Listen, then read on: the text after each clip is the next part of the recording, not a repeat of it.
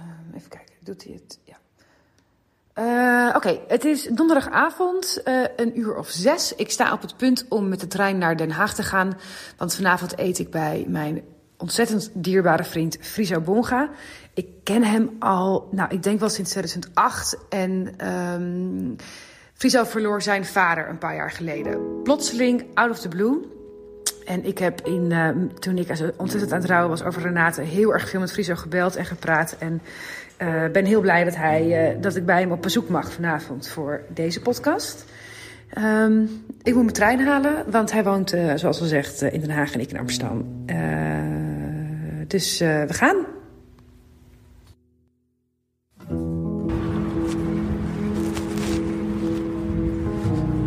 Even kijken, is dit nou de goede straat? Ja, Nog het nummer. Hier moet het nummer ergens zijn. Oké, okay. ja, gevonden. Ja, hallo. Hallo, hallo.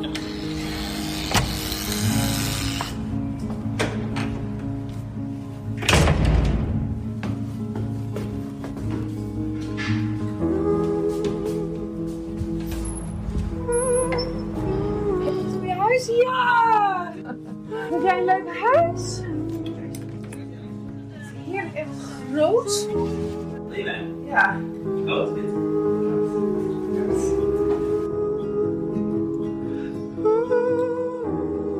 Op, op 7 februari uh, 2017 uh, belde mijn moeder me op. En uh, ik stond in de keuken en ze zei...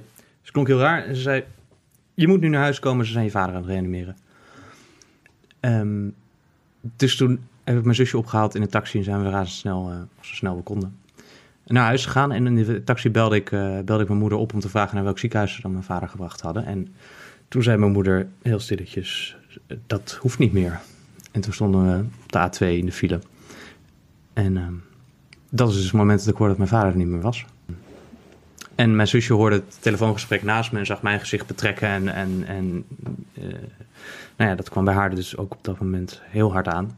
Uh, taxichauffeur voorin, die zag het ook misgaan. Dus die heeft zijn best gedaan om ons zo snel mogelijk naar huis uh, te brengen. En ja, dat was heel surreal. Daar kwam ik dus aan en daar stond mijn moeder in de deuropening in haar kantoorkleren nog. en, en, mijn vader was door de politiemannen die geprobeerd hadden om te reanimeren weer in zijn bed gelegd. Huisarts was er, was er geweest om de dood vast te stellen. En uh, die ging net weg. En het was een heel surreëel ja. spektakel eigenlijk waar we instapten. Kon ja. je iets doen toen?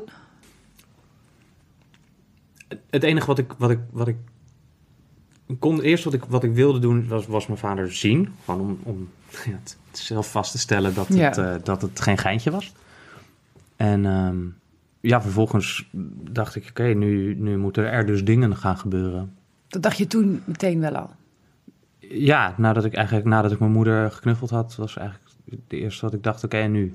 Dus dat, um, ja, we zijn aan de, aan de keukentafel gaan zitten en uh, langzaam kwamen er buren binnen, die hadden de politie voor de deur zien staan en steeds weer verhaal vertellen en, en uh, een goede begrafenisondernemer gebeld. Het hielp enorm dat mijn moeder een, een, een vrij, vrij sterke vrouw is die ook op, um, kan nadenken als ze verdrietig is. Mm -hmm. En geschokt en in shock. Dus we hebben dierbaren gebeld die we erbij wilden hebben. En uh, we zijn gaan regelen. Ja, dat was eigenlijk... Uh, Misschien ook het enige wat je toen kon doen. Ja, ja de, zorgen dat je niet, niet, ja, niet instort van, van weerloosheid tegen, tegen het, het onvermijdelijke. Ja. Uh, is dus aanpakken wat je, wat je kan. En weet je, al is het uh, shit gaan afdrogen die niet, uh, die niet nat is, maar gewoon iets, iets doen. Ja. Is op, op, echt in het, het, eerste uur nadat we daar waren. Ja, dat Vind ik best, best bijzonder, best knap dat je zo snel al toch in een, in een overlevingsmodus gaat. Of is dat het enige wat je dan ook hebt? Ja, juist omdat het zo plotseling was. Ja. Het was binnen een uur nadat ik het telefoontje had gehad, stond ik daar in de keuken. En, ja. en, en, was mijn vader er niet meer, zeg maar. Er was eerst niks aan de hand. En toen Precies, want hij was gewoon gezond en, en dit kwam uit het niets. Ja, nee, dat, dat, dat klopt. Hij, uh, eh, we waren, eh, ik geloof drie, vier weken eerder waren we met elkaar met vakantie geweest. En ehm, toen had hij een, eh, volgens mij een lare longontsteking of een vervelende griep gehad. En ehm, nou, daar was hij van aan het op, op, opkrabbelen weer. Hij was, eh, ja, hij was 70. En ehm, ja, het idee was dat, hij, eh, dat er, er werden weer plannen gemaakt en er zouden weer dingen gaan gebeuren. En hij, Ja. hij zit gewoon letterlijk ja, achter zijn bureau, terwijl de, eh, ehm, zijn, eh, volgens mij de administratie open stond, kopje thee, één hapje uit een koekje, is hij in elkaar gezakt. En eh, dat toen was kan het klaar. dus gewoon. Ja, plotseling. Hoe waren die dagen naar de begrafenis toe? Ja, heel mooi. Ja, heel spannend ook, omdat je... Ja, we hadden toch ook wel vrij snel het idee dat we wilden... We wilden mijn vader een, een, een mooi afscheid geven. eh, En, en er iets... Ja, iets eh, van maken wat hij ook mooi had gevonden. Hmm. Iets wat bij hem zou passen, iets wat bij ons zou passen. Nou, enorm veel steun gehad van, van een, een, een, een, een supergoeie ehm ja, begrafenisondernemer is misschien. Dat klinkt altijd zo, eh, zo, eh, zo aasgierig. Maar, eh, Van lange zwarte jassen. ja, maar dit was zo'n fijn, zo- zo'n fijn mens die, Ja. die, die, die, die A, empathisch eh, was, B, gewoon precies begreep, maar met twee woorden, eh, wat we wilden. En ja, dus, dus, dus, zo kwam binnen. Ze zei later van ja, toen ik, ik, ik zag jullie huis en ik zag eh, de kleur van de bank. En toen dacht ik, nou, dan gaan we dus deze vijf opties geven of zo. Dat je Zo'n soort van, van oké, nou, ik denk helemaal met jullie mee. Dit, is- nee, dat, en dat was heel fijn op dat moment Hmm. dat heeft ons enorm geholpen. En de, ja, de stapjes die je gaat zetten, dat is gewoon heel prettig. Muziek moet- uitkiezen met elkaar. precies. Wat voor Eh, muziek hebben jullie gekozen? Ja, dat is een goede vraag. Eh, we hebben onder meer gekozen zijn favoriete plaat I Will Survive van Gloria Gaynor. Hmm. Die draaide die altijd. Eh, we hebben muziek van Kriek gekozen. Ik Morgan weet het nog dat, dat die afgespeeld werd. En dat wij het ook allemaal een beetje van... Ho, is dit het nu? Dat is ook bijzonder muziek. Ja, er mocht geswingd worden. Ja, moet echt geswingd worden. Dat werd er ook bij gezegd. En dat, dat, dat duurde wel even voordat ik dat in ieder geval durfde. ja dat, dat, dat snap ik. Dat Op vonden het wij ook fijn. kerkbankje. ja. Ja, wij moesten. eh, ja, wij, ja. Nou ja, goed, dat was, ja, dat was de begrafenis. Maar dat, dat, ik denk dat we de- met de muziek wel. ehm, ook de stemming wel, wel goed van plechtig naar luchtig, naar eh, ja. nagedachtenis en gewoon ruimte voor eh, gewoon wat diepere, ehm, diepere gedachten. Dat, Hoe lang zat er tussen het overlijden en de begrafenis? Een week ongeveer? Ja, dan? ongeveer een week inderdaad. Ja. Het was, iedere dag was er iets anders. Dus er was een dag eh, uitzoeken eh, wie er een annons ging krijgen. eh, een dag enveloppen schrijven. Ja. Een dag naar de kerk. Een dag muziek uitzoeken. Ja. Een dag speech schrijven. En een dag kisten uitzoeken. Weet je, dat Ja. soort... Was je vader thuis gedurende dit? ja, En die lag in zijn bed. Lag in zijn bed. Ja. En heb je hem toen, heb je hem toen nog gezien in die week? ja. Nee, hij lag, zelfs dat is niet waar. Hij lag niet in zijn bed. Hij is naar een... ehm, een ehm, Zo'n eh, zo'n eh, ja, een rouwhuis, eh, een koelhuis. Hmm. ehm, een koelhuis gereden. En ehm, daar was zo'n ontvangstkamer. En als we dan wil- wilden zien, dan konden we hem bellen. Of konden we hen bellen. Hm. en dan, eh, en dan rolden ze hem naar buiten. En eh, dan eh, konden we er even bij staan. En dan in een mooie stemmige kamer. En, Heb je dat vaak gedaan? Nee, een keer, een keer of drie, daar moest ik ook aan denken. Want ik, in het begin, de eerste dag toen ik nog thuis was, ben ik een paar keer naar boven gelopen. Om even eh, gewoon te kijken. Nog even van mezelf ervan te vergewissen dat het... eh, ja, dat hoe het echt hoe zo was. ja, hoe dat, hoe dat ook voelde. Het is gewoon heel raar om, om het lichaam van je vader te zien zonder dat je vader er niet meer in zit. Leek hij op je vader? Mm, ja. Ja, Ja? leek er wel op. Maar de, ja, de vorm van het lichaam was gewoon heel anders. Ja. of zo. Dat Maar hoe wel- is het dan? Hoe was het om hem te zien liggen? Ja, daar denk ik nog wel, nog wel, vaak, daar denk ik nog wel vaak aan terug. Eh, vooral omdat ik hem... Ik vond het, ik vond het eh, grappig om, of geinig, of misschien wel belangrijk... om hem wat dingen in zijn kist mee te geven. Dat Mhm. eh, mocht, eh, mocht de zondvloed komen en eh zo 50.000 jaar een opgraving doen... en dan die kist vinden, dat ze dan naast, naast het anonieme geraamte... nog twee of drie gouden tekentjes vinden die, Ja. die bij hem horen... en dat, ze dan, dat hij dan deel van een archeologische puzzel kan worden. Dat lijkt me echt te gek. dus ik heb een paar puzzelstukjes in zijn kist Je kunt er maar beter op voorbereid zijn. Ja, nou ja, weet Ja. je. Ja, als en niet- wat waren als- die puzzelstukjes? Ja, dat kan ik niet zeggen, want Oh. dan, ja, dan, dan gaat de puzzel... Oh nee, want als ze dit dan ook gaan horen, dan is het al opgelost. Nee, Ja. Dat snap ik. Oké. ja. Maar los van, los van de puzzel, opeens ligt hij daar dan. Zeker als het zo plotseling gaat. Is dat dan... Wat gebeurt er dan als je dat ziet? ja, de eerste keer dat ik hem dus die eerste keer toen ik hem die avond zag, toen drong het besef meteen direct door. Dit is het einde, dit is onomkeerbaar. De situatie is radicaal anders dan voordat ik deze kamer inliep. Zeg maar, dit is echt een... Alles is anders. En om daarna ook weer een soort van mijn, mijn, mijn, uh, ja, mijn voeten terug te vinden... of mijn, mijn balans terug te vinden... dat, dat heeft, denk ik, wel even geduurd.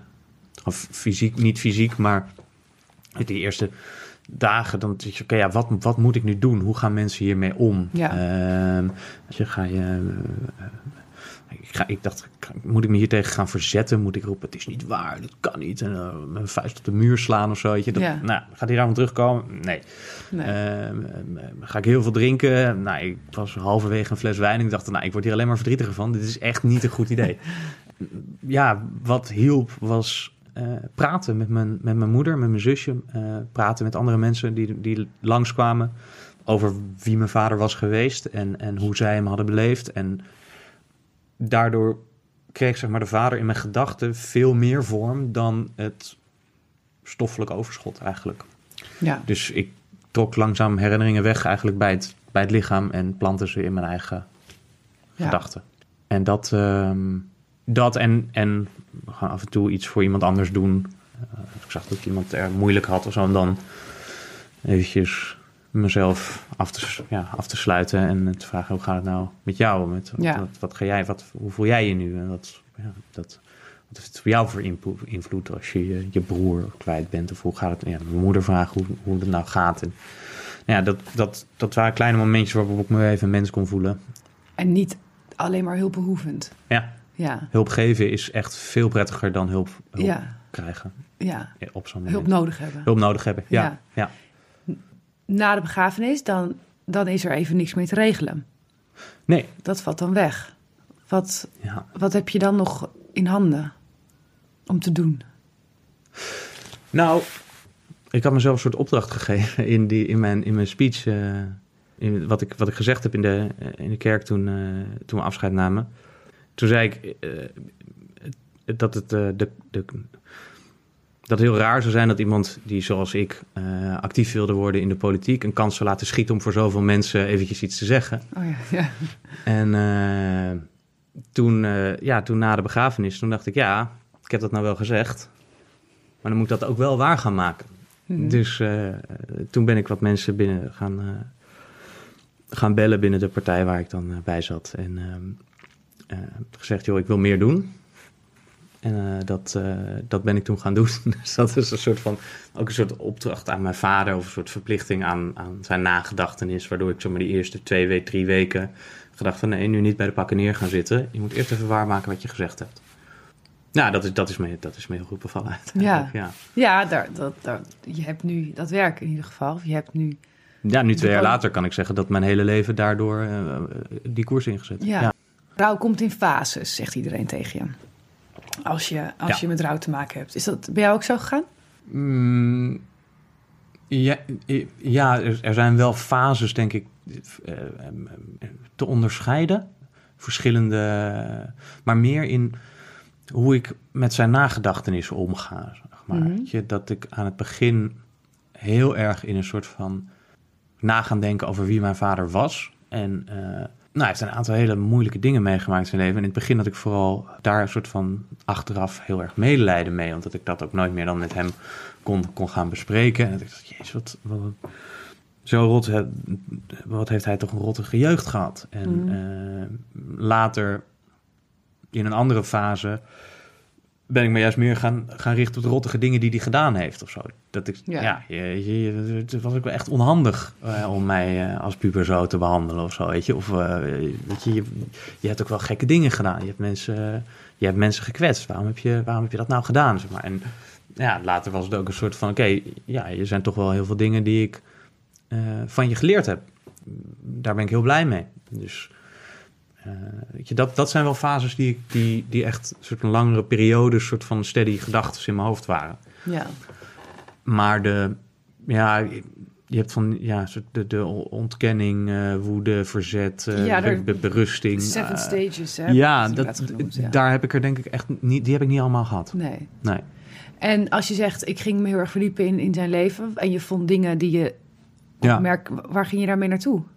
Nou, mijn moeder en mijn zusje in de eerste Ja? instantie. Ja, ja, altijd. Eh, omdat zij hem na mij het, eh, gewoon het beste kennen. En, Ja. en dan kun je gewoon het beste eh, checken of het wel klopt wat je allemaal denkt. Ja, Ja, dat is heel grappig. Mijn zusje heeft gewoon een heel andere vader gehad dan ik, zeg maar. Of Die heeft gewoon hele andere andere herinneringen. relatie met hem. En dat was natuurlijk al, ook al toen hij, zo, toen hij leefde, maar toen hadden we geen enkele reden om daar echt over te praten. Ja, een paar Nee. keer hebben we het daar wel over gehad, maar dat, dat bewustzijn, dat, dat was er niet. Eh, maar toen hij weg was en het, het beschrijven van o- onze herinnering aan hem en hoe we met het verlies omgingen, ja, dan merk je dat, dat je dat op een hele andere manier doet. Dus dat vond ik wel belangrijk, omdat telkens als ik iets, iets bedacht had, eh, om dat dan te delen. Ja, het was het allemaal eh, een trein aan inzichten die we eh, avondenlang doorgingen. Maar nou ja, af en toe dan zeg je wel zoiets. Ja. De dagen waarop je overmand werd door verdriet, die zijn er denk ik ook wel geweest. Ja, Hoe, eh, hoe, hoe ja, ja, je hebt een baan. ja. Hoe stond je op? Hoe, hoe vocht je jezelf dan door zo'n dag heen? Ik heb denk ik gelukkig wel altijd die emotie de baas kunnen zijn als het niet meer, als het niet meer een soort van functioneel was, zeg maar. Ik, Mhm. ik ben er nooit, als ik ermee opstond, dan was het eigenlijk, haalde het nooit de lunch, zeg maar. En, Ja. en als ik er eh, overdag over, door werd overvallen, dan ging ik er nooit meer naar bed, zeg maar. Dus het, Hoe, de, nou, hoe dan? Hoe doe je dat? Hoe deed je dat? Stop je het dan weg? Of ga je heel actief aan iets anders denken? Of besluit je niet nu? Ja, je- je- ik vraag gewoon een beetje aan mezelf wat ik nou, waar ik nou verdrietig over ben. Wat, wat is het nou? Is het het missen van mijn vader? Ja, nou, oké, dat, dat is, is prima. Maar dat hoeft, niet stand te houden, want hij komt toch niet terug. Dus wat mis ik dan en, en, en hoe, hoe, kan ik daar, eh, hoe kan ik daaraan denken?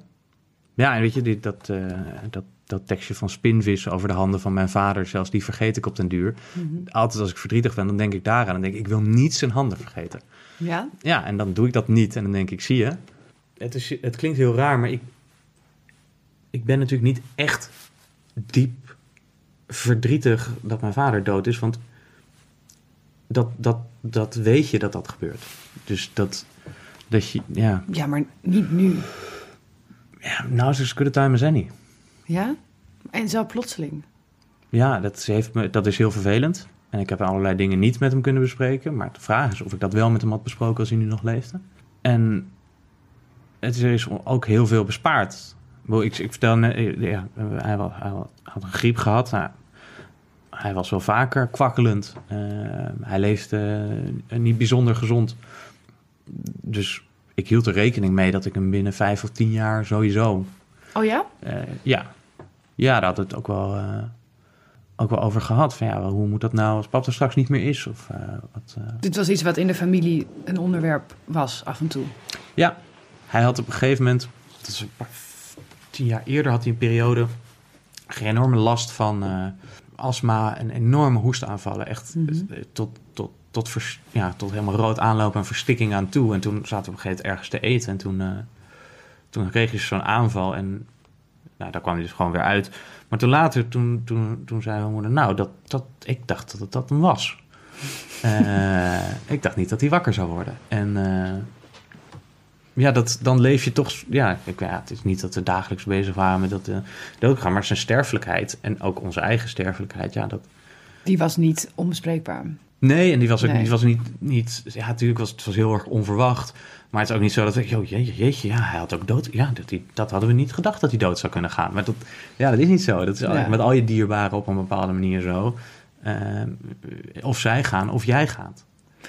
Zeker. Ik- Dat is zo op een th- theoretisch niveau. Ja, Maar ik kan heel veel dingen theoretiseren. Maar dat wil nog niet zeggen dat als het daadwerkelijk gebeurt, dat je dan wel overmand wordt door emoties die je misschien niet had ingecalculeerd in je theoretische benadering van het gegeven. dat klopt. En, en, en die emoties die zijn ook helemaal niet, ehm, niet onterecht, denk ik. En die, die heb ik ook wel, wel gehad. Ja, Maar ik heb ze dus nooit...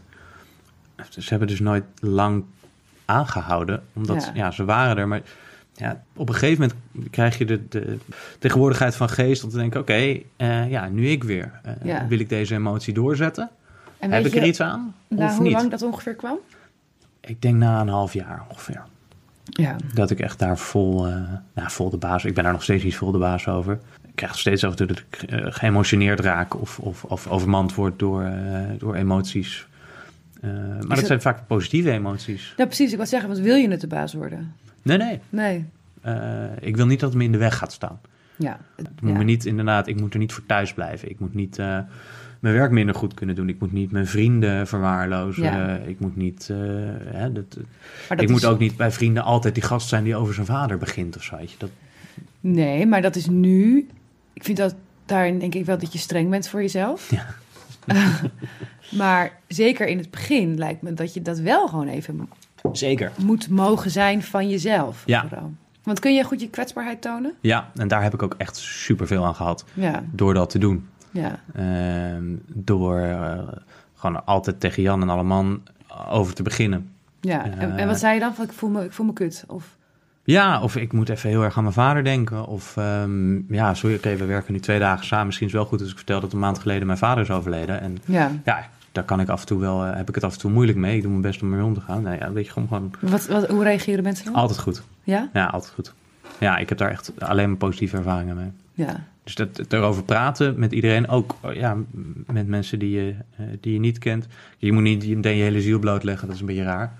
Dat hoeft ook niet misschien. Nee, Nee. maar gewoon laten weten. eh, Hoe de vlag erbij hangt. Ja.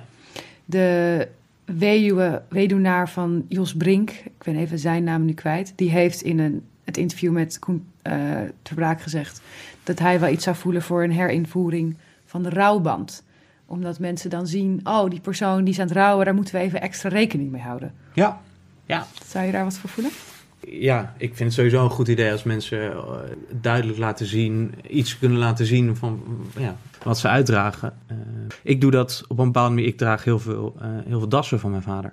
Ja. En als iemand er dan naar vraagt, zeg ik altijd van mijn vader. En ja, hij is overleden. En eh, ik vind het heel leuk om dat te kunnen dragen. Ja. En daarmee geef ik ook een soort signaal af, zeg maar. Dat eh, iets, iets van een fysieke manifestatie van een emotie is. Dat, dat, is, heel, dat is heel prima, ja. vind ik. Ja. Is het nooit, ik vind het soms best ongemakkelijk als mensen vragen, oh, wat doen je ouders? En dat ik dan zeg, nou, mijn vader, zus zo. En dan Ja. begin ik niet over mijn moeder. En als daar dan op wordt doorgevraagd, Ja. dan is het, ja, die is overleden. Dan, dat is altijd een moment dat dat Ja. valt.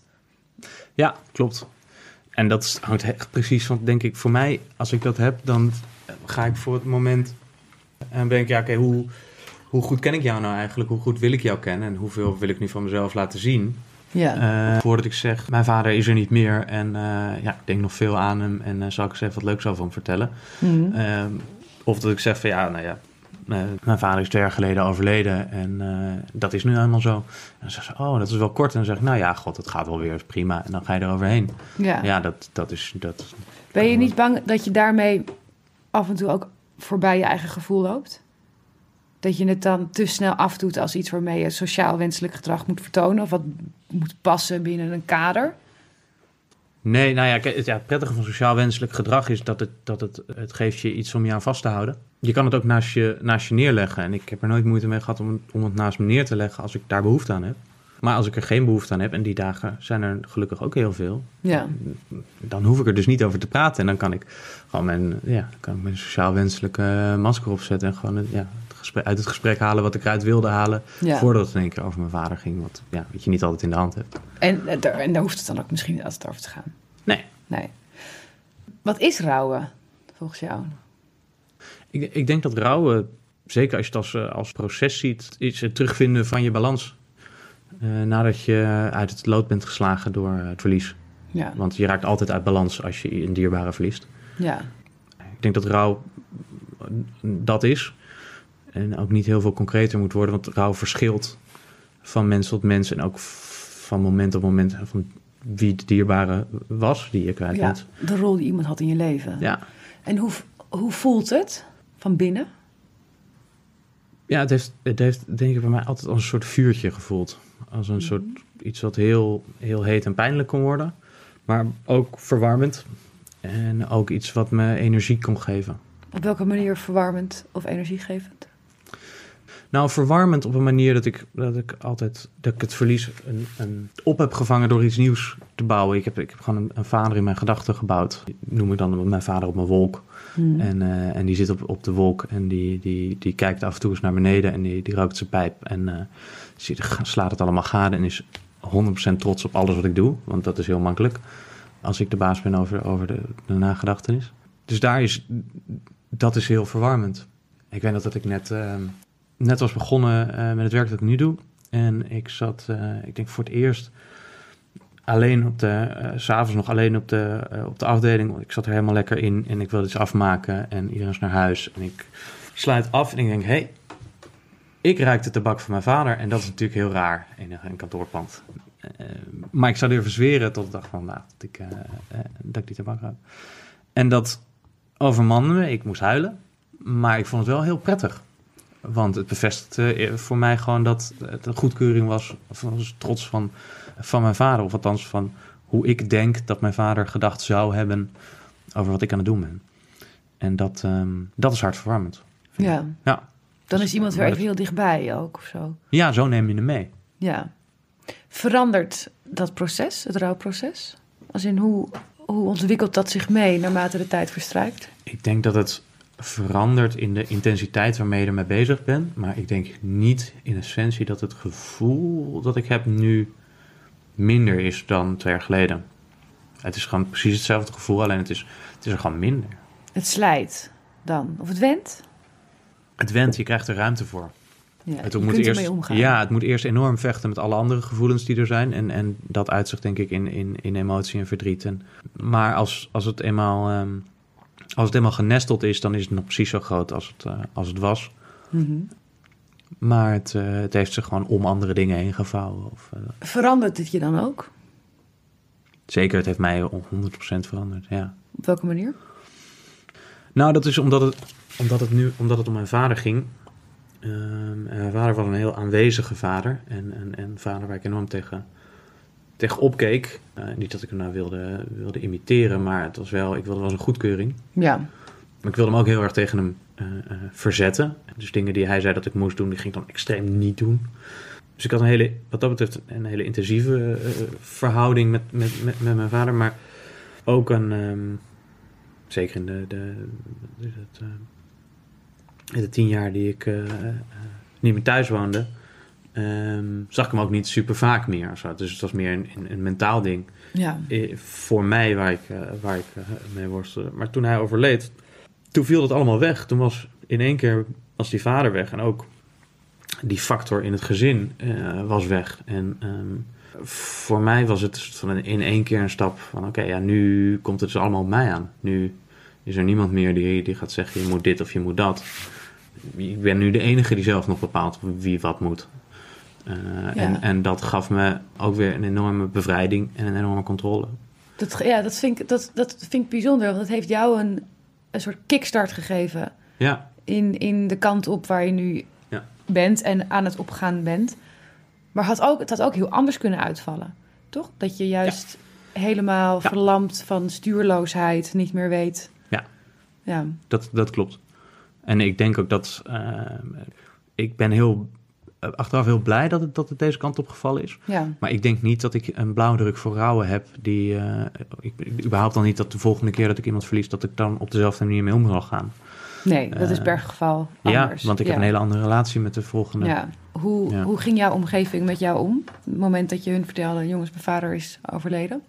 Nou, ik had altijd het, idee, ze- zeker na de eerste maand of zo, dat dacht ik, ja, het lijkt wel alsof mensen verwachten dat het meer met me doet dan het eigenlijk doet.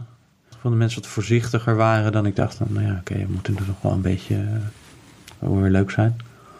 Een beetje grapjes kunnen maken. Maar mensen echt hun, best deden om, eh, om mij ruimte te geven. Als ik het heel moeilijk had gehad, dan had ik dat meteen, dan had ik dat ook duidelijk, was, dat, er was daar een plek voor. Die, die ruimte gaven ze alleen omdat ik dat niet nodig had, bleef het soort van, ja, een soort van om mijn antwoorden knuffel. Soort van. ja. ja, dat, dat, dat vond ik heel, heel moeilijk, maar wel heel, heel mooi. Ik heb ook heel veel gehad in die eerste weken aan eh, vrienden van mijn vader die ik helemaal niet kende van tevoren. Eh, hij bleek allemaal mensen te kennen die ik, eh, waar ik niks van af wist. Hij had gewoon opeens een leven. Heel raar. Vooral omdat ik wel in hun leven bestond, zeg maar, Ja. uit de verhalen van mijn vader. Ja, jij was En, natuurlijk de zoon. Ja. ja. Dus eh, eh, door met hen te praten over hun relatie met mijn vader, ehm, heb ik ook hem weer op een andere manier leren kennen. En dat was ook altijd wel heel prettig. En eh, ja, op die manier, daar heb ik ook wel veel aan gehad. ja.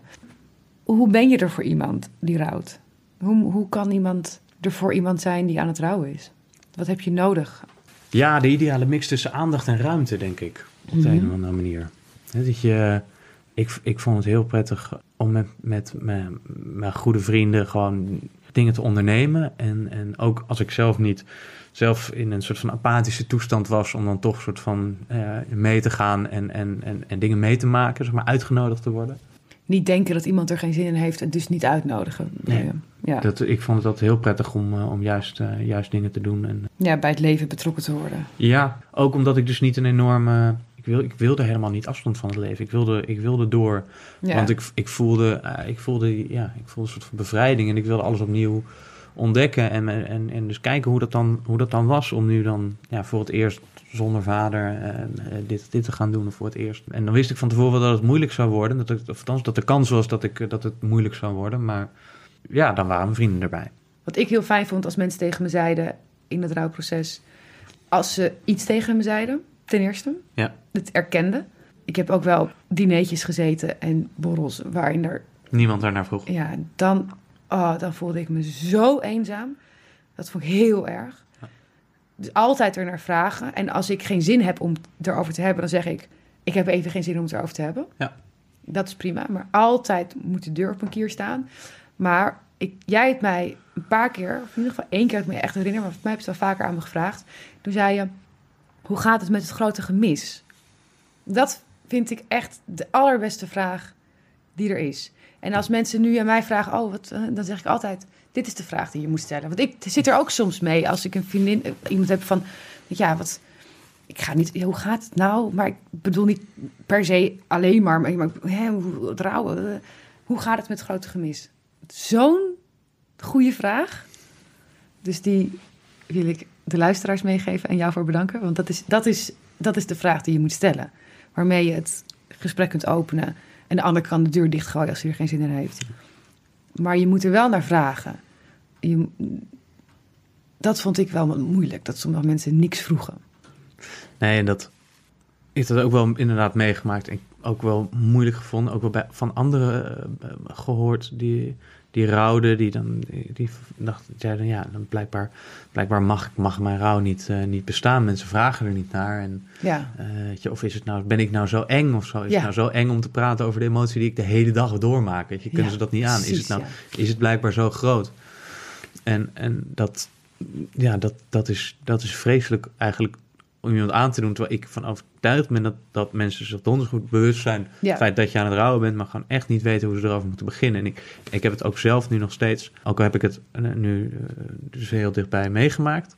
Als ik met iemand ben die ik niet zo goed ken. En ik weet dat er iets kuts is, dan denk ik, ja, zit hij er nou op te wachten? Ja. Moet ik, Ja. nee, nee. ik heb het ook. Ehm, maar wat ik ook heb gemerkt, wat ik heel prettig vond, was ehm, als mensen praktische vragen stelden.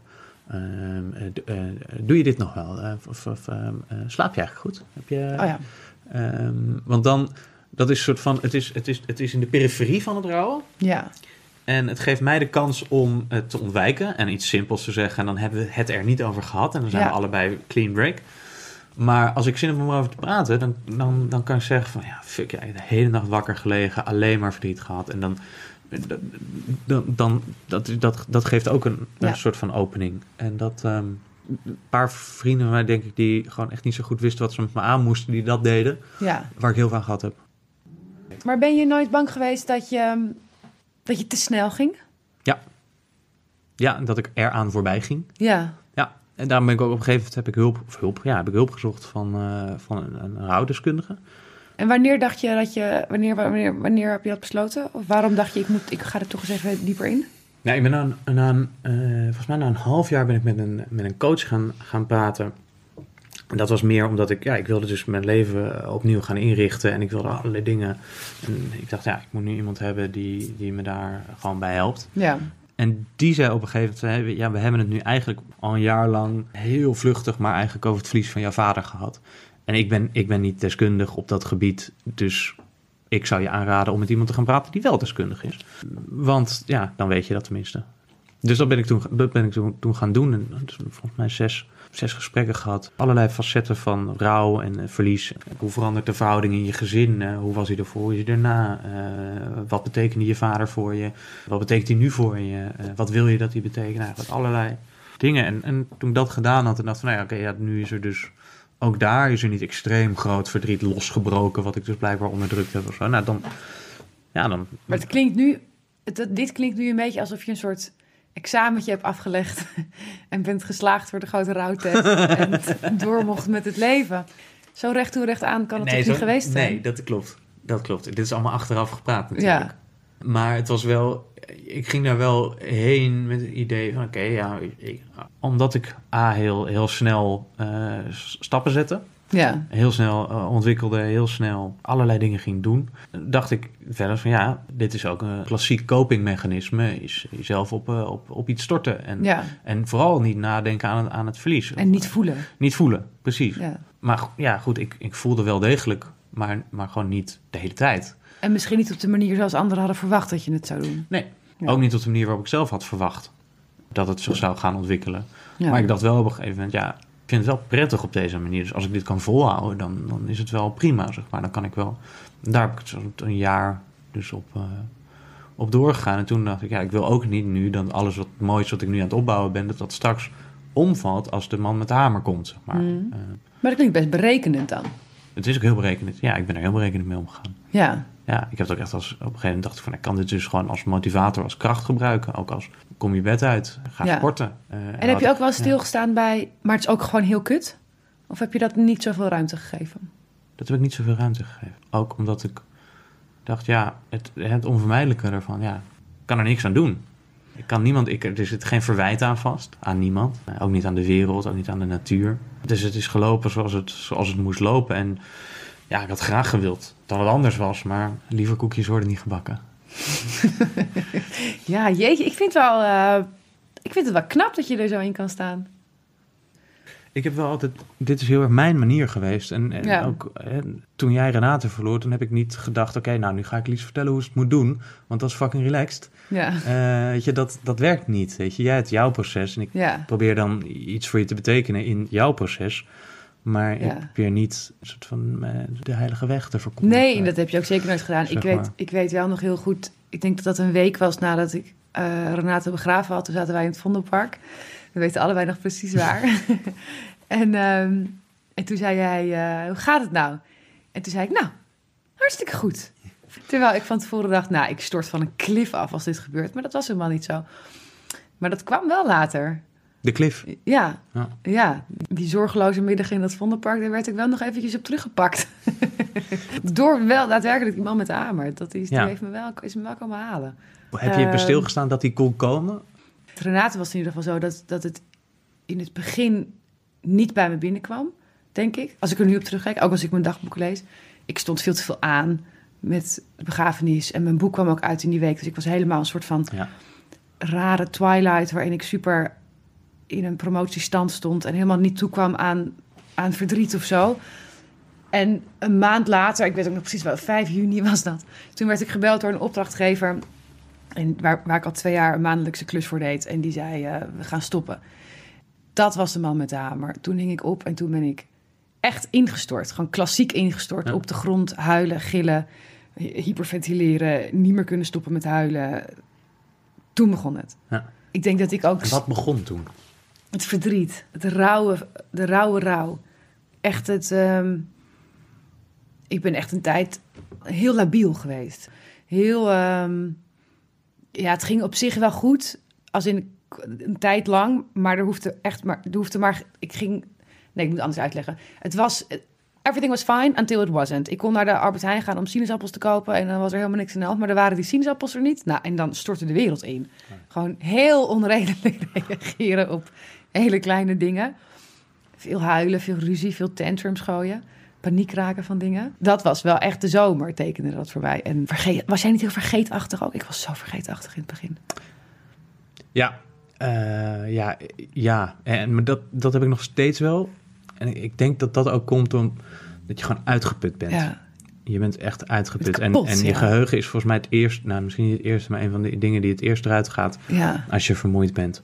Dat is gewoon iets dat, ja, dat is, ja fuck it, je kan leven zonder geheugen. Dus zonder, Ja, ik, ik vond dat heel erg. Dat ik echt, eh, mijn beste vriendin dan op maandag zei van... oh, ik heb morgen sollicitatie voor de baan die ik echt het allerliefst in mijn hele wereld Ja. wil. En dan Ja. zei ik, oh, nou, succes, succes. En dan drie weken later zei ze, oh, ik heb die baan niet. En dan zei ik, welke baan? Ja. En dan heb ik... En daar heeft ze drie rondes voor doorgelopen... terwijl ik normaal iemand ben die dan appt om vijf voor negen. Succes zo, hoe ging het? Ik, ben- ik ben, ik ben lijstjes, lijstjes gaan maken Ja, na gesprekken ja, met mensen. Dat ben ik dus ook omdat, gaan ik, omdat ik niet Ja. wil vergeten wat ze gezegd hebben. Ik En, dan, precies- ja. en dat doe, ik doe dat nog steeds. Ja? Ja, als ik eh, laatst is naar, naar een borrel gegaan en dacht ik, ik, ik, ga, verge- ik ga dit gewoon vergeten. Ja. Dus ben ik eh, naar de wc gaan snel opgeschreven. Wie heb ik gesproken? Waar ging het over? Ja, dat, dat herken ik. ik. Ik doe dat nu niet meer. Misschien moet ik het wel doen, want ik ben nog steeds vergeetachtig. Maar dat komt gewoon omdat ik vergeetachtig ben. Nee, je neemt nu al je gesprekken op. Hè, dus ik dat neem nu alle, ik, neem- ik maak overal een podcast van. Het is een stuk, een stuk effectiever. Ehm, maar inderdaad, dat heb ik ook op een gegeven moment gedaan. En ehm, eh, in mijn agenda zet ik het dan. eh, eh, die sollicitatie. Of Mhm. die gaat nu verhuizen. Of die, die is, heeft dan een belangrijk... I don't know. Maar ik zette alles in mijn agenda Ja. inderdaad. Om maar in godsnaam niet meer te vergeten... wat de mensen die ik lief heb deden. Ik vond het heel erg dat ik die kant van mezelf verloor. Dat ik dat, dat ik er, dat, ik dat niet meer kon. Dat ik niet kon refereren naar iemand wat... Naar wat, Die wat empathie gewoon. eh, ja, Ja. Dat, ja en, en, en de mentale ruimte voor anderen, dat, dat, wel, die was helemaal weg. Ik was alleen maar met mezelf bezig. En daar werd ik op een gegeven moment ook helemaal knettergek van. Maar kon het ook niet doorbreken of zo. Dat lijkt me heel frustrerend. Ja, Als je het bewustzijn hebt eh, dat er Ja. iets niet in de haak is. Ja. En, en je mist gewoon de, de, de handvatten om, om eraan te trekken of te duwen of weer eventjes... ja om, het, om het bootje weer vooruit te krijgen. Ja. Dat, ja dat, dat is, en als ik nu dan terugkijk, en ik ben dan anderhalf jaar verder, dus dat is natuurlijk ook nog niet eindeloos. Maar dan denk ik, dat was voor mij rouwen. Het, het verdriet, maar daarin ook het controle verliezen op de werkelijkheid. En een soort speelpoppetje worden van whatever the day brings. Van je emotie. Ja, maar ook gewoon van wat de dag je brengt. Als ik de trein miste of de tram kwam te laat of mijn band Ja. was plat, dan had dat heel veel impact op, op de dag. Terwijl dat natuurlijk onzin is, want dit, is, dat, dat, dit zijn geen grote gebeurtenissen, maar dat werden hele grote evenementen. Eh, waardoor ik echt kon denken, laat maar, ik ga wel weer naar bed. En dan ging ik Ja. weer naar bed met mijn kat. Ja, ik ben op een gegeven moment ook de kutste oplossing gaan zoeken voor dingen. Om, om dus, eh, als ik dan naar werk fiets, ik was iets vergeten, dan ging ik met een omweg terug naar huis fietsen, zeg maar. Om het voor mezelf een soort van extra kut te maken. Maar En dan, waarom? nou, omdat ik dan de oorzaak van het kutten was. Oh, wauw. Ah, om de controle weer terug te pakken. Ja, en dan fiets ik daarna weer, als ik, als ik het dan had opgelost, zeg maar, mijn eigen opgelegde hindernis, Ja. dan was dat dus een oplossing. Dan had ik iets opgelost. Oh, en als ik, ja, als ik gewoon, anders was ik, was ik maar gewoon aan het verzetten tegen een Nou klein... ja, en was, je, en was je speelbal van het lot. Ja, en, en dus, ja. Ja. Oh, wat grappig. Dat heb ik nog nooit gehoord of bedacht. Ja. Je, je neemt het heft weer in eigen hand. Ja, Hoor je hem nog wel eens in je hoofd? ja, ja heel vaak. Ja? Ja, ja, zeker. En wat, eh, wat, wat zegt hij? Of wanneer vraag je wat aan hem? Eh, Ik sprak, ik sprak vaak met mijn vader over actualiteit en hij had altijd wel een, een, een andere blik eh, op dingen dan, dan ik had. Eh, en soms dacht ik, denk, ik denk nog steeds dus dat hij het erom deed. Dat als ik iets vond, dat hij dan het andere ging vinden. Gewoon puur, ja, om, om, een gesprek. Steek, steek je argument. Ja, ja. want eh, ja zeggen is ook maar zo saai. Dus soms dan gebruik ik hem wel eens als een soort van, eh, van red teaming. Als ik iets vind, dan zeg ik, nou, hoe gaat pa hier nou de, alle, alle poten onderuit zagen? Hij is ook mijn, ehm, ja, ergens groter, ja, misschien wel groter dan ik zou willen. Een deel van mijn moreel kompas. Waarom groter dan je zou willen? Nou, omdat ik het niet eens... Mijn vader was... Ik ben het niet per se altijd eens met, met alles wat hij, eh, wat hij vond. En ik wil graag een... eh, eh, mijn vader was vrij conservatief en ik wil graag vooruitstrevender zijn dan, dan dat. Maar ik merk dat ik, dat ik toch er niet aan ontkom dat ik, eh, dat ik sommige van zijn eh, terughoudendheid over verandering toch wel... eh, Ga je daar dan mee in conclaaf met jezelf? Dat is een goede vraag. Ik, ehm, ik, over, ja, ik overweeg hoe belangrijk het, eh, het dan voor me is om, eh, om een eigen keuze te maken. Of het, het volgen van wat mijn vader gevonden zou hebben, is gewoon de gemakkelijke keuze. Mhm. Maar zelf opnieuw een, een, een gedachte vormen, is, dat is moeilijk. Dus daar laat ik het een beetje van afhangen hoeveel Ja. tijd en zin ik heb om er echt in te investeren. Maar En speelt dat soms dan ook mee dat je denkt... oh, maar ik wil, hem, ik wil dat hij trots op me is... dus ik kies iets waarvan ik zeker weet dat hij dat zou Ja. zijn geweest? Ja, dat wil ik toch nog steeds wel, die, eh, die goedkeuring. Ja. En waar vind je nu die goedkeuring in? Ja, maar de, de, de grootste opdracht, denk ik, die mijn vader me meegegeven heeft, eh, wat je, van, zijn, zijn, van wat je ook doet, zorg altijd dat eh, eh, Mhm. eh, eh, mededeling was, je mag nooit iemand die je om hulp vraagt wegsturen. Altijd helpen. Ja. En ehm, dat deed hij ook tot, eh, tot vervelends toe. Eh, maar dat is wel waar ik ook. eh, daar denk ik bijna dagelijks aan als, als iemand met iets komt waar ik geen zin in heb. Dan denk ik: nee, dit ga je gewoon doen. Dat heb je beloofd. Had je dat ook al voordat hij doodging? Minder.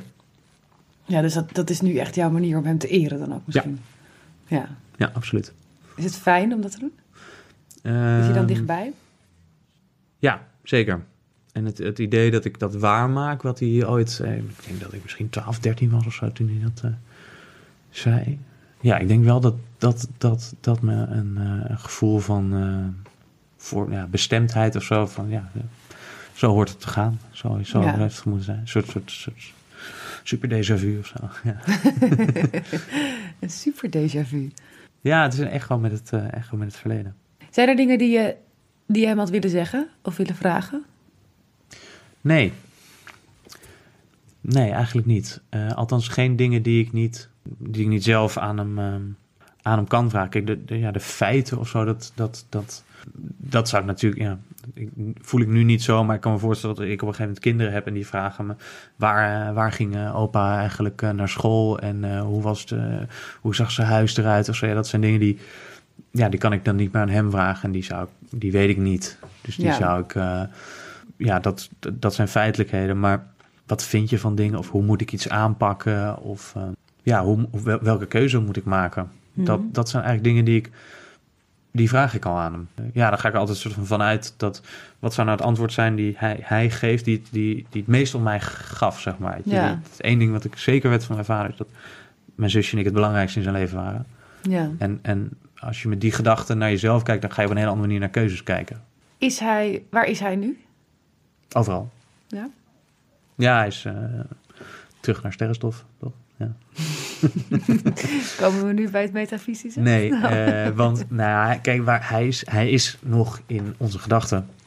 Hij is nog Ja. in de gedachten van degene die hem gekend hebben. En hij is ook nog in de gedachten van degene die hem niet per se gekend hebben, maar waaraan ik, bij wie ik, bij wie ik hem geschetst heb.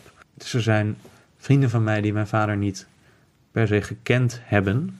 Maar omdat ik er zo vaak over praat eh, en dingen vertel die ik interessant of, of boeiend of raar aan hem vond, of anekdotes erin pas, weet ik dat, dat, dat hij een, eh, een, eh, ja, een flart is in ergens. Dus daardoor geef ik hem ook meer bestaansrecht. En hij Of- leeft ja, voort. dat- hij leeft, dat is. Hij leeft, De gedachte leeft voort. En dat, ehm, kijk, en dat deed hij natuurlijk ook al voordat hij was overleden. Toen we lang uit elkaar leefden, of uit elkaar, ja, we, we zagen elkaar niet meer dagelijks. Dus toen leefde hij al het grootste deel van de tijd in mijn gedachten. En toen vertelde ik al meer over hem dan aan, aan de mensen dan zij hem zelf hadden gekend, hebben ja, gekend. want zo gaat het ook met uit huis wonende kinderen op een gegeven moment. Ja, en zo gaat het ook met gescheiden vriendengroepen. Hè? Ja. Als, je, als je veel met, met, met eh, die omgaat en veel met die, dan gaan ze ook zeg maar, in elkaars gedachten leven, omdat jij over hen vertelt. Ja. Ja, dat is een soort, soort schatplicht die je, die je eh, doet. Of je, je ja, brengt iemand tot leven. Houdt iemand tot leven? Ja, ja als jij eh, belangrijke dingen die je aan Renate zou hebben verteld over de telefoon als je, toen ze nog leefde, Ja. als je die nu in gedachten aan haar vertelt, ja, dan hoef je niet, dat niet meer iedere keer te doen. Nee. Maar iedere keer dat je het doet, is ze er weer. Ja, ik merk dat ik dat. Ik denk dat, dat wat dat ik moeilijk vind, en daarin, daarin verschil ik gewoon heel erg van jou, want ik kan niet zo goed mijn emoties uiten en, en, en dat delen met anderen, maar ook niet met mezelf. Maar dat ik soms denk, ja, maar ik moet er niet te dichtbij gaan, want dan, dan, dan overrompelt het me weer zo. En nu, nu ben ik eindelijk voor gevoelsmatig weer een beetje on track. Ja. Dus als ik nu te dik ga zit, diep ga zitten poeren in dat verlies, of in dat verdriet van toen, dan, dan komt het er weer uit of zo. Ik denk dat, ik weet niet, ik vind.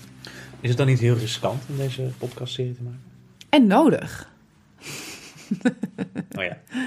Ja, en, nee, niet riskant, maar wel nodig. Wel goed om even. En ik vind het interessant, want ik heb dus nu al een paar andere mensen ook gesproken. En iedereen zegt andere dingen. En ik kan me overal wel een beetje in vinden en soms helemaal niet. En dat, dat het, is, het is heel particulier, dus dat is natuurlijk ook logisch.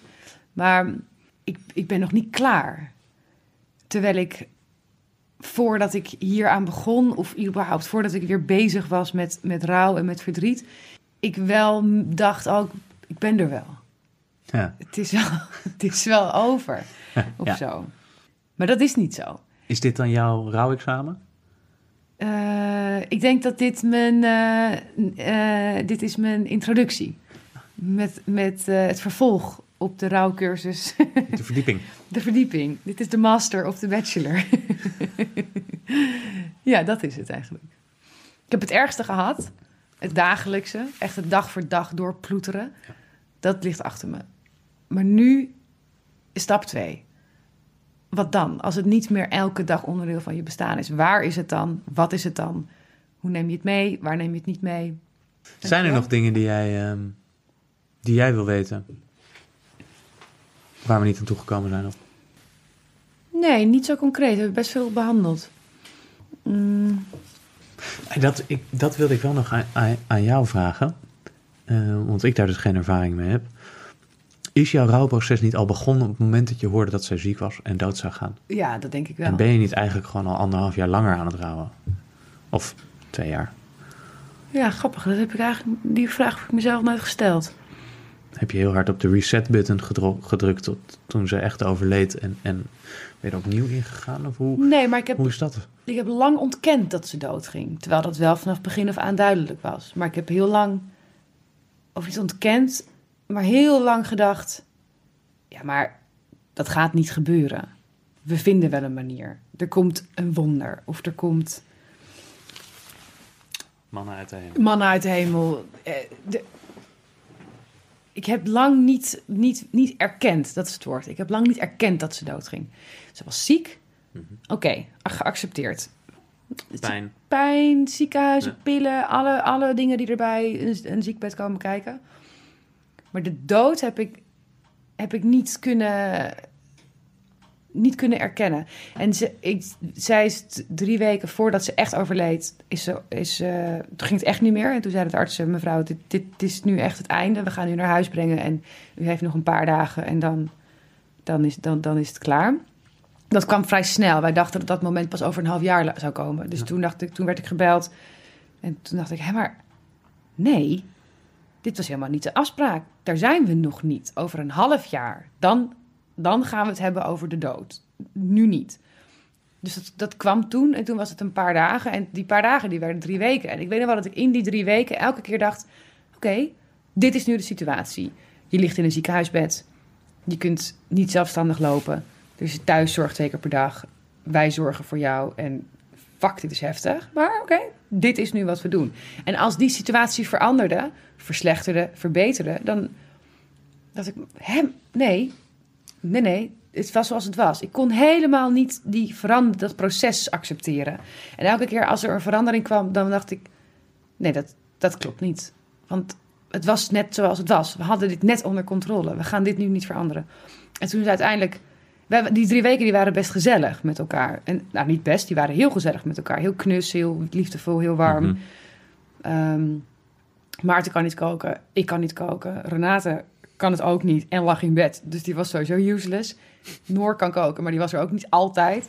Dus als ik, als ik s'avonds dienst had, dan, dan aten we kaasplank, borrelplank met wijn. Heel veel gedronken in die week. Kun. Eh, met haar. Dat was, dat was dus heel leuk. Ik dacht, nou, dit is dus nu de status quo. En ik wist wel dat dat niet voor altijd was, maar ik voelde dat wel zo. Dus toen het belletje kwam met, nee, het is nu klaar. Vanavond is het over. Toen dacht ik, toen kwam dat alsnog als een schok. Toen dacht ik, hoezo gaat ze Ja. dood? Je normaliseert gewoon dag voor dag is dit gewoon... Alles. De rest van het leven gaat zo zijn. Ja, je normaliseert het de hele tijd. Ja. En ook al zat er anderhalf jaar aan vooraf, dat moment dat het was van, het is nu echt klaar, kwam alsnog alsof, alsof dat onaangekondigd bij me werd neergelegd. Terwijl dat niet zo was. Maar ik denk, ik denk dat dat was op een bewust niveau, maar op een onbewust niveau was haar dood, haar naderende dood, al heel lang eh, natuurlijk wel in mijn leven. Net zoals de dood van mijn moeder, die is ook anderhalf jaar ziek geweest. En toen was ik negen, dus dat, ja, wat maak je ervan mee? Maar wij gingen wel na school naar het ziekenhuis. Dat vond ik vaak heel vervelend, want ik wilde liever met mijn vriendinnetjes paard rijden. Maar dan moesten we weer naar de VU. Maar dat, die ziekenhuizen, die slangetjes, die operaties, die geur, dat, dat, dat, dat ken ik wel. Ja. Dus ja, zelfs als het in de lijn der verwachtingen ligt, Ja. is het een ontzettende klap als het daadwerkelijk gebeurt. Want je kunt wel, je kunt wel eens in een relatie zitten en denken, nou, het gaat niet zo goed nu. Het is oké als het overgaat, als het uitgaat. Dat, dat is helemaal oké. Maar dan is het zover en dan denk je, fuck, dan wordt de grond toch echt onder je voeten weggeslagen. Omdat je niet kunt, kunt incalculeren hoe de daadwerkelijke emoties bij je binnenkomen, die je, wat ik ook tegen jou zei, die je wel rationeel hebt berekend. En dat is natuurlijk Ja. ook zo als je het wel ziet aankomen. Voor mij was het dus een, een, een- De initiële schok ging vrij snel voorbij en er was een berusting van: oké, dit is dus het moment. Ja, en dat vind ik dus echt heel knap, geloof ik. Ik weet niet wat het woord is eigenlijk, maar ik vind het bijzonder. Hoeveel van jeetje, dat kan dus. Zo, zo kan dat dus gaan in je Ja. hoofd. Dat je dat zo snel. We kunnen zo snel schakelen tussen de ene situatie en de volgende. Heb je nooit gedacht, heb je wel eens gehad dat je wakker werd en dacht. La, la, la, la, en opeens, oh, wait a minute, mijn vader is dood? Ja, ehm, hey, ik mag me niet zo vrolijk voelen, want mijn vader is net dood. Ja. Waarom? eh, Maar ook dat je het af en toe gewoon even vergat. ja, ook zelfs tijdens de begrafenis. Ja, gewoon, Ja, hoe dan? Ja, gewoon dat ik dacht: wauw, wat, wat een prachtige dag. En, eh, Het was ook wel echt een hele mooie dag. En er waren zoveel mensen. Ja, Echt een zee van mensen die er was. ja, en ik heb, Ja. ik heb denk ik wel drie of vier keer gedacht: van, dit, is, dit is, pap vindt het geweldig. Ja. Weet je, waar staat hij eigenlijk te praten? Hij staat nu sowieso met. Oh nee, wacht, hij is er niet. Ja. Hij, hij is er niet meer. Van, ja, op, ja, dat. dat eh, ja, dat is gewoon on- ja, heel erg onwennig nog Ja. dat hij, er, hij die er altijd was, er niet meer was. Ja. Ja. Ja. Ik weet nog wel, wij hadden eh, een, een begrafenis in een, in een katholiek kerkje, vlakbij, de, vlakbij Renaats huis. En de borrel daarna, want we wilden, er moest natuurlijk gedronken worden, die was bij een strandtent waar zij ook getrouwd was met haar man Maarten, een jaar voordat ze overleed. Mhm. En eh, wij kwamen als familie daar als eerste aan, geloof ik ongeveer. Dus dat sta je daar ook zo van. Oké. En al die, al die gezichten kwamen binnen op een gegeven moment. En dat waren allemaal dezelfde gezichten als wie we in exact dezelfde ruimte een jaar geleden stonden om haar op te wachten. Terwijl ze dan Ging trouwen. ging trouwen. En toen heb ik op een gegeven moment, ik heb tijdens die begrafenis niet gehuild. Ik heb überhaupt geen emoties gevoeld, geloof ik. Maar toen ik, toen ik daar in die bar stond, toen dacht ik opeens, oh ja, nu komt ze niet. Toen moest ik opeens heel hard huilen. Van al die koppen die staan hier, al die mensen die ik ook niet per se ken, maar dat zijn, die, ja, dat, ik ken ze als, als zijnde haar omgeving. En zij kwam niet opdagen. Ja. Dat, dat, dat vond ik heel, heel gek. Toen werd het heel tastbaar of zo. Dat, soort- dat soort momenten zijn er dan wel. Van, Ja. oh ja, wait a minute. Dit is nu hoe het gaat zijn. Ik denk dat, we er, dat ik je met je ga proosten op een mooi gesprek.